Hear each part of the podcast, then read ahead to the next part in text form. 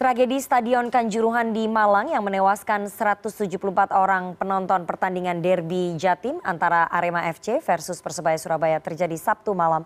Banyaknya korban yang berjatuhan disinyalir akibat gas air mata yang ditembakkan kepolisian untuk membubarkan kericuan penonton. Bagaimana uh, nasib dan untuk membahasnya lebih dalam sudah hadir bersama kami di studio Akmal Marhali, koordinator Save Our Soccer. Selamat sore, Mas Akmal. Selamat sore Mbak Nana. Oke, uh, Mas Akmal, ini tragedi yang terjadi di Stadion Kanjuruhan ya. Ini kan big match yeah. antara Arema FC yeah. versus uh, Persebaya Surabaya. Sudah tidak ada uh, supporternya Persebaya padahal. Yeah. Jadi ini totally uh, tuan rumah saja Betul. Arema FC. Tapi kok bisa terjadi sampai seperti ini?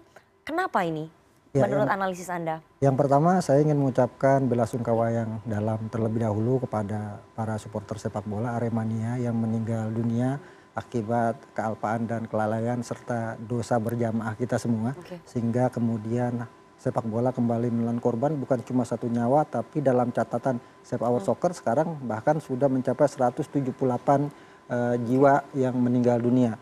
Nah, ini merupakan tragedi kemanusiaan terbesar bahkan tadi Presiden FIFA mengatakan ini hari hmm. kelam sepak bola dunia okay. dan kita semua prihatin atas kasus ini dan kita berharap ke depan kasus ini tidak berulang lagi dan ini menjadi pelajaran besar buat sepak bola Indonesia di mana kasus ini harusnya tidak terjadi kalau semua mengantisipasi, hmm. mengantisipasi dan berkomunikasi dengan baik. Hmm. Kenapa? Karena jauh-jauh hari derby Jatim antara Persebaya dan Arema ini masuk level pertandingan sepak bola yang high risk, yes, yes, ya, high beresiko risk. tinggi. Ya. Harusnya yeah. memang disiapkan secara matang. Dan langkah-langkah itu sebenarnya sudah dilakukan. Okay. Cuma ada hal-hal yang diabaikan. Hmm. Sebagai contoh misalnya pada tanggal 18 September hmm. uh, 2022 uh, Polres Malang sudah mengirim surat kepada Panpel Arema okay. untuk memundurkan jadwal pertandingan hmm, hmm. dari jam 20.00 menjadi jam 15 okay, dengan ya? antisipasi ya? kalau bermain lebih sore kalau kemungkinan terjadi hal-hal yang tidak diinginkan itu akan lebih mudah mengatasinya dibanding dimain tengah malam gitu atau larut malam. Hmm. Tapi permintaan dari Kapolres Malang ini tidak digubris oleh PT LIB hmm. selaku operator kompetisi. Hmm. Begitu juga sebagai uh, apa namanya broadcaster juga tidak uh, mengimbaukan ini karena ini dianggap sebagai pertandingan sepak bola yang rating tinggi. Okay. Sehingga kemudian di, harus ditayangkan di prime time mengabaikan potensi terjadinya problem atau masalah di lapangan. Yang kedua, pada tanggal 29 September, Kapolres Malang kembali menyurati Panpel Arema mengingatkan agar mencetak tiket tidak lebih dari 38 ribu uh, tiket. Karena kapasitas Karena stadion. kapasitas stadion itu hanya 38 ribu. Okay. Nah, uh, kemudian Panpel Arema justru mengambil langkah dengan menaikkan jumlah tiket 42 ribu tiket yang uh, dicetak atau 45 ribu yang laku 42 ribu hmm. yang terjual 42 ribu tiket yang terjual dan demi mendapatkan pemasukan besar dari penonton mengabaikan keselamatan. Okay. Ini kelalaian lagi. Yang ketiga yang menyebabkan kelalaian adalah bahwa uh, polisi hmm. tidak mendapatkan arahan atau sosialisasi tentang aturan pengamanan pertandingan sepak bola. Dari FIFA, aturan FIFA maksudnya? Aturan FIFA. Dalam uh, FIFA Safety and Security Stadium Regulation ya. itu di pasal 19 poin B disebutkan bahwa senjata api dan gas air mata tidak, tidak boleh, boleh masuk di, ke dalam ya. stadion. Hmm paling uh, senjata paling uh, besar yang boleh digunakan adalah water cannon. Water cannon. Ya. Okay. Nah ini kemudian digunakan oleh polisi. Polisi sebenarnya tidak salah karena mereka menggunakan SOP mereka dalam mengatasi kerumunan massa bila terjadi demonstrasi. Okay. Jadi SOP demonstrasi digunakan polisi untuk mengamankan pertandingan sepak bola. Hmm. Artinya ada miskomunikasi di sini antara PSSI dengan polisi hmm. terkait safety and security stadium regulation yang okay. dikeluarkan FIFA dan ini pelanggaran fatal menurut saya. Karena okay. PSSI tahun 2021 itu sudah mengeluarkan aturan tentang pengamanan stadion hmm. tapi tidak memasukkan regulasi itu bahwa di dalam stadion pengamanan tidak boleh menggunakan senjata uh, senjata api dan juga okay gas air mata. Ya, ya. Dan ini merupakan tragedi terbesar di sepak bola ya. kita saat ini. Jadi yang tadi Anda katakan dosa berjamaah itu yang berdosa berarti PSSI. PSSI. Karena tidak melakukan uh, komunikasi yang baik dengan ya. polisi, tidak menjelaskan aturan uh, pelaksanaan pengamanan untuk uh, sesuai dengan aturan FIFA begitu. Betul. PSSI kemudian PT Liga karena PT Liga tidak mengindahkan saran dari uh, Polres yang menginginkan ataupun menyarankan agar pertandingan ini dilaksanakan sore hari dan yang ketiga berarti Panpel karena mencetak uh, tiket yang over capacity begitu ya, Iya, panitia satu pelaksana lagi- dari Arema. satu lagi Polisi? pemerintah. Oke. Kenapa pemerintah? Pemerintah punya undang-undang sebagai payung hukum untuk supporter. Undang-undang nomor 11 tahun 2022 tentang Sistem keolahragaan nasional. Oke. yang merupakan penyempurnaan dari Undang-Undang nomor 3 tahun 2005 Hmm. dalam pasal 52 ayat 4 itu disebutkan bahwa eh, apa namanya penyelenggara harus menjamin hak-hak penonton dalam Hmm. event olahraga. Di pasal 5-nya disebutkan apa saja hak penonton, salah satunya penonton berhak untuk mendapatkan pelayanan dalam menyaksikan pertandingan, mendapatkan tempat layak sesuai dengan tiket pertandingan. Yang kedua, eh yang ketiga di poin C-nya ini yang paling penting, mendapatkan jaminan keamanan dan keselamatan. Oke. Dan ini dilanggar. Dan kalau pelanggaran ini terjadi di pasal 103 Undang-Undang eh, Sistem Keolahragaan Nasional nomor 11 tahun 2022, hukumannya adalah bahwa apabila terjadi kealpaan dan kelalaian yang membuat orang meninggal dunia, maka potensi hukuman kepada penyelenggara itu berupa uh, hukuman uh, kurungan 2 tahun Ya. minimal eh, maksimal atau denda maksimal 1 miliar. Sementara KUHP 359 itu menjelaskan hukuman akibat kealpaan atau kelalaian yang membuat orang meninggal dunia, maka hukumannya adalah penjara lima tahun. Tahun, Artinya yuridis kita, hukum yuridis kita eh, baik itu hukum sepak bola maupun hukum positif itu sudah mengatur semuanya dan Hmm. ini harus ada yang bertanggung jawab berat. Oke, oke. Eh, kalau tadi Anda bilang bahwa dosa berjamaah pemerintah PSSI, PT Liga dan Panpel, saya akan eh, bahas satu-satu ya soal jam pertandingan. Jam Betul. pertandingan untuk yang eh, big match seperti ini kan sebetulnya selalu dilakukan pada jam prime time, pada malam hari begitu Betul, ya. betul. Eh, apakah kemudian kalau dilaksanakan sore hari resikonya akan lebih rendah, Mas Akmal? Ya, resiko akan lebih rendah. Kenapa? Oke. Karena pertama, problem di sepak bola kita jangan menyamakan misalnya, oh di lu- luar negeri misalnya derby Milan main malam prime time atau derby El Clasico Real Madrid Barcelona main ma- tingkat dan prosedur pengamanan mereka sudah lebih sangat profesional dibandingkan kita gitu. Stadion mereka untuk tingkat keamanannya sudah sangat layak dan standar internasional. Sementara kita pintu keluar, pintu masuk stadion hanya satu gitu kan. Nah ini problem, jangan kemudian disamakan. Yang kedua, saya ingin katakan eh, bahwa eh, problem yang paling klasik dari sepak bola kita adalah kenapa main malam ini menjadi problem. Save Our Soccer sudah beberapa kali menyarankan kepada PT LIB dan PSSI untuk mengevaluasi kembali pertandingan di jam 20 atau 20.30 yang terlalu larut malam gitu kan. Kenapa? Karena ini sudah ada uh, sudah ada masalahnya yang muncul. Sebelum kasus uh, kanjuruhan terjadi, sudah ada enam supporter meninggal dunia akibat kecelakaan karena ngantuk membawa kendaraan usai menandingkan men- menyaksikan pertandingan malam hari. Oke. Dua di antaranya dari Arema juga, dua di antaranya dari Persebaya. Dan uh, ada juga uh, malam mengakibatkan kemudian bentrokan supporter yang tidak bisa diantisipasi karena waktu orang istirahat karena lelah gitu kan. Nah, ini kan problem. Kalau main agak sore, setidaknya uh, sistem keamanan kita bisa lebih antisipasi di situ karena waktunya juga tidak uh, memungkinkan orang untuk banyak berperan serta untuk melakukan aksi Oke. pengamanan. Oke, tapi Mas Akmal ini kan eh, sudah menjadi seperti industri bisnis ya. Betul. Jadi banyak pihak yang kemudian eh, melakukan ini berkali-kali sebelumnya, tapi kan tidak ada insiden yang baru eh, terjadi sebesar ini. Artinya big match di malam hari itu kan sudah ber- terjadi bertahun-tahun begitu Mas Akmal. Iya, sebenarnya kita punya pelajaran juga. Piala Presiden, pertandingan antara Persib melawan Persebaya di Stadion eh, Bandung eh, Gelora Bandung Lautan Api, mengorbankan Sopian dan Solihin karena berdesak-desakan. Problemnya di kita adalah ketika ada kasus orang meninggal itu dianggap hal yang biasa di sepak bola sehingga tidak ditangani dengan benar. Karena yang meninggal sedikit. Karena yang meninggal itu. sedikit gitu Dengan kan. meninggal yang banyak sekarang baru kebakaran. Nah, itulah jenggot. pro- problemnya adalah kasus Solihin dan juga uh, uh, Sopian sampai sekarang tidak ada yang bertanggung jawab sama sekali. Tidak ada hukum pidana yang diberlakukan akibat kelalaian. Padahal undang-undang KUHP-nya sudah jelas 359 pasalnya itu kan. Itu kealpaan dan kelalaian bisa dihukum, tapi tidak pernah dilakukan. Catatan Save Our Soccer sejak tahun 100 1995 sampai tahun ini gitu kan sebelum kasus kanjuruhan terjadi total 86 supporter sepak bola meninggal hanya karena menonton sepak bola dengan 86 berbagai ya? kasus 86 dan tidak semuanya diproses secara hukum Hmm. Dan ini artinya kita menganggap kematian itu hal yang biasa Padahal sepak bola itu hiburan bukan kuburan. Ini harus menjadi perhatian semua semua pihak tentunya. Hmm, Oke. Jadi ditambah 86 yang dulu ditambah sekarang hampir 170 berarti sudah berapa itu?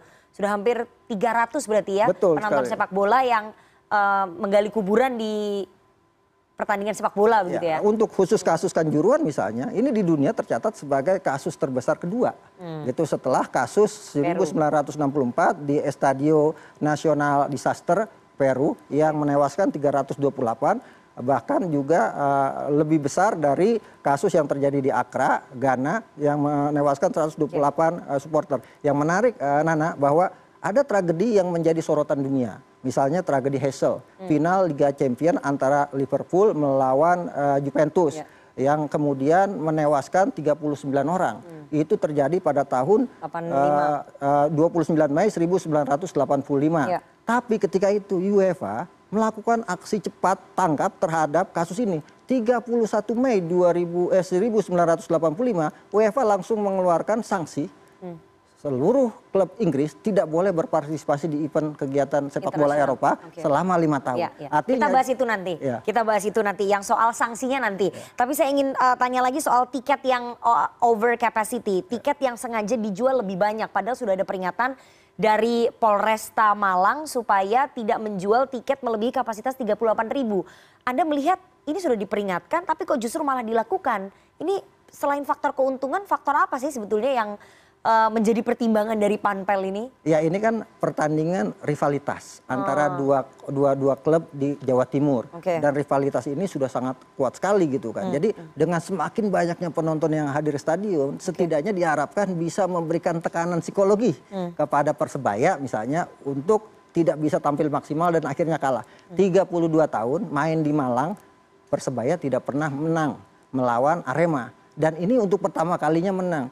Supporter Aremania merasa kecewa karena rekor yang mereka selama ini bangga-banggakan akhirnya kemudian terpecahkan di saat mereka sedang berharap Arema bangkit. Inilah yang memicu kemudian Dan nggak ada supporternya Persebaya lagi di Betul. situ ya. Dan nggak ada supporter karena memang polisi juga sudah mengingatkan bahwa pertandingan ini tidak boleh bonek ada yang hadir ke stadion. Hmm. Dan bonek memang tidak ada yang stadion. Artinya ini bukan rivalitas kasus ini, Hmm. tapi fanatisme sempit, fanatisme buta atau kebodohan yang kebablasan, perilaku orang-orang yang tidak berpikir panjang terhadap keselamatan nyawa banyak orang. Oke, fanatisme sempit artinya harus ada eh, edukasi terhadap para supporter sepak bola di Indonesia yang tadi memiliki fanatisme sempit yang kemudian berujung pada hal-hal yang anarkis, kemudian berujung pada kematian begitu, Mas. Ya betul sekali dan saya ingin melanjutkan bahwa uh, saya ingin mengambil uh, contoh setelah kasus Heysel ada tragedi namanya tragedi Hillsborough. Itu terjadi di semifinal FA Liga Inggris Oke. yang uh, uh, melibatkan Nottingham Forest melawan uh, uh, Liverpool. Itu terjadi 1989 yang menewaskan 96 orang uh, korban jiwa. Tapi lagi-lagi pemerintah Inggris dan FA-nya Inggris atau PSSI-nya Inggris itu bertindak cepat. Setelah itu mereka mengeluarkan namanya Football Spectator X, regulasi supporter, di mana supporter ditertibkan dan punya kartu anggota. Nah, ketika ketika mereka melakukan aksi anarkis, vandalis, merusak fasilitas umum atau mencederai sportivitas dan fair play, maka kartu anggota itu dicabut, tidak boleh menyaksikan pertandingan sepak bola. Football Spectator X juga mengatur soal kelayakan stadion. Artinya Inggris kalau kita nonton sekarang dulu hooliganismenya sangat luar biasa Tinggi, ya, ganasnya. Tapi kita menonton Liga Inggris sekarang, kita seperti nonton bioskop. Bagaimana sepak bola di Inggris itu hiburan gitu. Nah harusnya ini juga dicontoh oleh PSSI gitu kan. Kalau PSSI nggak punya waktu untuk berpikir, duplikasi saja Football Spectator X itu untuk kemudian dijadikan aturan hukum diberlakukan terkait pertandingan sepak bola di Indonesia. Selama ini yang kita lihat seperti apa yang dikatakan Ketua Umum PSSI, Arema dihukum satu tahun tidak boleh main di kandang akibat kasus kanjuruhan ini. Hukuman yang sangat ringan sekali gitu kan. Dan Sangat faktanya ringan ya? sangat ringan. Faktanya sudah berapa kali kasus itu terjadi dan hukuman seperti itu diberlakukan yang meninggal bahkan lebih banyak sekarang. Pemerintah ataupun PSSI tampaknya tidak berdaya ya. Betul. Jadi Oke. kalau mau sekarang misalnya hukumannya adalah degradasi ke Liga 3. Hmm. Dengan didegradasi ke Liga 3, supporter-supporter lain yang akan melakukan misalnya aksi Mereka serupa takut, akan karena ada takut. efek jerah di karena ada efek ya. dan mereka nggak ya seyakin yakinnya tidak akan melakukan tindakan bodoh itu kenapa karena mereka takut tim kebanggaan mereka akan turun kasta di liga ya. terendah dan sanksi ini yang harusnya diperhatikan oleh PSSI bukan kemudian sanksi-sanksi yang biasa itu. gitu. Kenapa PSSI terkesan uh, sangat lembek sekali dalam memberikan sanksi? Anda melihatnya kenapa seakan tidak berdaya? Alasannya kenapa, Mas? Saya melihat sejauh ini berdasarkan analisa Save Our Soccer, rivalitas itu dijadikan sebagai aset bisnis di sepak bola kita gitu. kan. Oke. Betapa tidak misalnya pertandingan sepak bola tidak boleh disaksikan oleh salah satu supporter itu bukan pertandingan sepak bola dan itu kemudian ditradisikan. Misal laga Persija melawan Persib kan ditradisikan supporter Persib tidak boleh datang ke markas Persija, supporter Persija tidak boleh datang ke markas Persib. Arema Persebaya, supporter Persebaya tidak boleh datang ke Arema, supporter Ya. Arema tidak boleh datang ke Persebaya. Akhirnya tradisi yang dibiasakan ini memunculkan eh, apa namanya rasa eh, kebencian masing-masing. Bisa jadi kerusuhan tidak terjadi di lapangan karena tidak Tapi ada ter- supporter yang terjadi kemudian di luar terjadi lapangan. lapangan dan Iya. itu fakta pernah terjadi gitu di Iya. sepak bola kita. Artinya sifat aturan-aturan yang semacam ini ini yang kemudian menjadikan rivalitas sebagai aset ini harus eh, dipikir ulang atau direkonstruksi dan harus dibenahi oleh PSSI karena ini tidak benar PSSI punya divisi supporter harusnya divisi supporter sejauh kemarin misalnya selama masa pandemi Covid ketika sepak bola tidak boleh disaksikan oleh penonton harusnya mengurai problem problematika supporter sepak bola Indonesia di mana supporter yang punya rivalitas tinggi yang berpotensi terjadi kisruh itu kemudian dicarikan solusi agar bisa kemudian duduk bersama, duduk bersama dan melupakan ya. melupakan itu semua rivalitas cukup 90 menit selebihnya kita semua adalah saudara satu bangsa Indonesia Oke, oke. eh, kalau kita lihat sanksi FIFA nanti akan seperti apa sih, Mas? Kalau tadi Anda katakan eh, tragedi Hassel tahun 95 di Belgia antara Liverpool lawan eh, tahun 85 antara Liverpool lawan Juventus itu kan akhirnya membuat Inggris dan juga Italia tidak boleh ikut pertandingan-pertandingan internasional selama lima tahun. Nah, bisa tidak Indonesia terkena dampak yang sama? bisa jadi gitu kan. Sekarang kan eh, apa nama Gianni Infantino sudah berbicara bahwa ini adalah hari gelap sepak bola dunia gitu kan. Dan mereka menyatakan bahwa ini problem besar sepak bola Indonesia tadi disebutkan oleh Infantino. Artinya Infantino bisa jadi mengevaluasi potensi apa namanya eh, kesempatan Indonesia jadi tuan rumah Piala Dunia U20. U20 pada 2023 kenapa? Kasus ini kanjuruhan itu terjadi di lapangan Artinya ada SOP pertandingan yang bahkan sudah diregulasikan oleh FIFA lewat Safety and Security Stadium Regulation tidak dijalankan oleh operator kompetisi dan tidak di- disosialisasikan oleh Federasi Sepak Bola kita. Artinya bukan mustahil Piala Dunia U20 dialihkan ke negara lain kalau ini tidak diantisipasi atau di- di- dilakukan tindakan cepat tanggap baik oleh PSSI dan pemerintah bukan mustahil kita tidak akan jadi tuan rumah. Jadi sebenarnya setelah langkah presiden menghentikan kompetisi ini harus ada langkah-langkah berikutnya. Oke, jadi eh, sanksinya terancam gagal menjadi tuan rumah Piala Dunia U20 tahun depan. Betul. Kemudian eh, sanksinya juga terancam bisa di-ban dari eh, pertandingan-pertandingan internasional. Yang waktunya kita tidak tahu itu tergantung dari FIFA ya, Betul. karena kita masih menunggu hasil keputusan dari FIFA. Tadi saya menarik sekali Anda katakan bahwa polisi tidak salah sama sekali di sini, karena polisi tidak tahu ada aturan eh, FIFA dalam pertandingan sepak bola. Anda yakin bahwa polisi tidak tahu standar FIFA itu? Mas? Saya yakin, saya yakin, yakin ya karena selama ini komunikasi antara pertandingannya sudah berulang kali terjadi, masa polisi nggak tahu?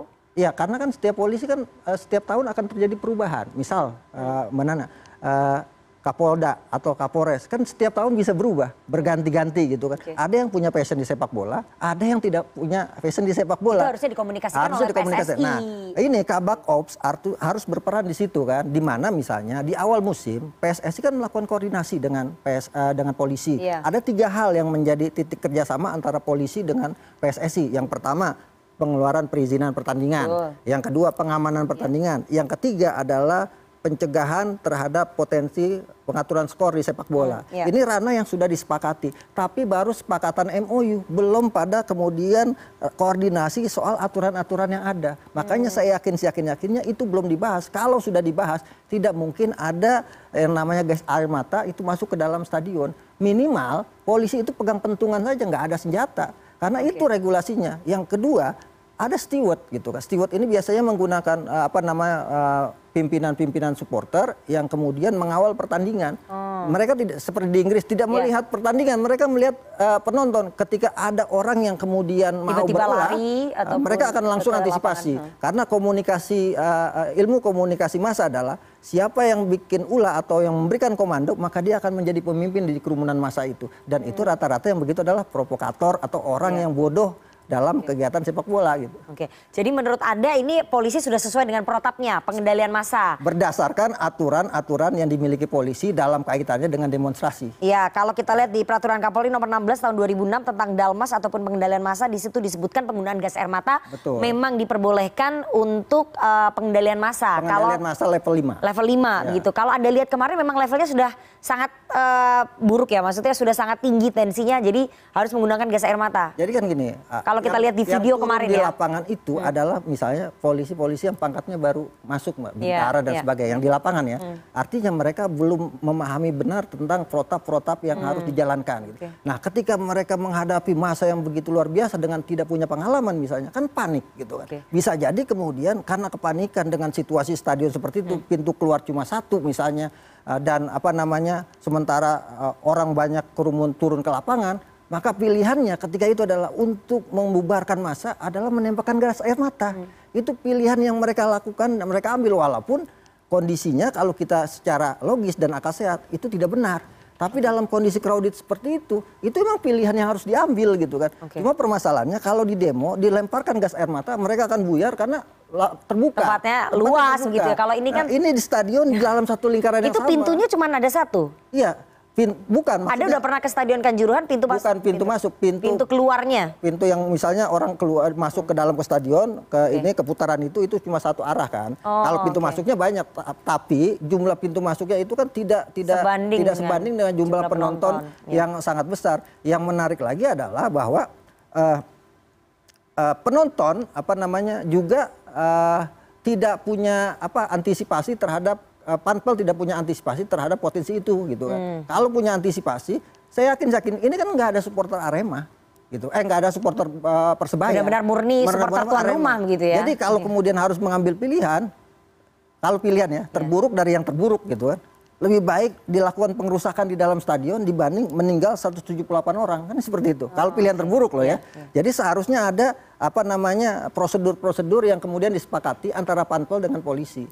Jadi menurut saya kenapa saya katakan eh, polisi juga tidak bisa tidak eh, tidak seharusnya disalahkan sebagai orang yang mengakibatkan 178 orang meninggal dunia karena mereka sudah menjalankan protap mereka, SOP mereka. Oke, bahwa mereka juga eh, harus diinvestigasi iya, tapi bukan murni pihak utama yang bertanggung jawab. Ada pihak-pihak lain yang Bahkan juga harus bertanggung juga jawab. ada yang jadi korban gitu kan. Ada dua polisi yang meninggal dunia juga gitu kan.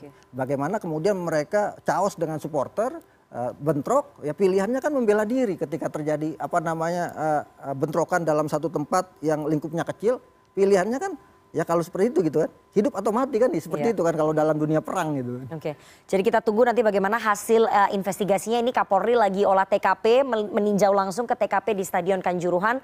Apakah kemudian nanti ada hasil yang eh, positif dari tinjauan Kapolri dan juga Menpora? Jadi saran saya adalah untuk ya ini ya Iya. sepak bola dihentikan sampai batas waktu yang tidak ditentukan. Harus diambil yang pertama harus ada tim gabungan pencari fakta Oke. yang melibatkan pemerintah, polisi, PSSI, LIB, lembaga-lembaga hukum misalnya eh, YLBHI, Al- Komnas HAM, bahkan LSM LSM yang terkait sepak bola yang punya independensi agar apa namanya investigasinya ini berjalan eh, independen, tidak ada eh, unsur kepentingan gitu. Ya. Kalau yang melakukan PSSI saja pasti ada unsur kepentingan. Ada ada unsur saling menutupi Nah, saling kesalahan. menutupi kesalahan. Nah, ini harus dilakukan. Yang kedua, PSSI harus segera membuat itu regulasi supporter yang menyamin Undang-Undang nomor 11 tahun 2022 tentang keolahragaan yang di sana dalamnya adalah jaminan keamanan dan keselamatan supporter Oke. itu dijamin benar-benar untuk bisa dilaksanakan. Nah, kalau kemudian dua hal ini sudah bisa dijamin dan dia eh, apa di, eh, tentunya dengan komitmen semua elemen, bahwa tidak ada lagi korban nyawa di sepak bola, baru ketika itu sepak bola boleh dimainkan kembali. Oke, itu akan membutuhkan waktu yang lama tampaknya ya untuk pembenahan-pembenahan itu Mas Akmal, tapi itu menjadi uh, pelajaran yang sangat berharga bagi semua pihak, terutama bagi PSSI, kemudian uh, operator, dan juga bagi klub-klub di Indonesia, dan juga bagi para supporter. Betul. Kalau ingin pertandingan sepak bola di Indonesia menjadi pertandingan yang hiburan, bukan kuburan. Betul. Tadi yang disampaikan oleh Mas Akmal. Terima kasih sekali Koordinator Safe Soccer Indonesia, Mas Akmal Marhali, atas waktunya kepada CNN Indonesia Breaking News sore hari ini. Saya selalu Mas Akmal. Terima kasih. Dan CNN Indonesia Breaking News akan kembali lagi bersama rekan saya, Syaza Wisastro.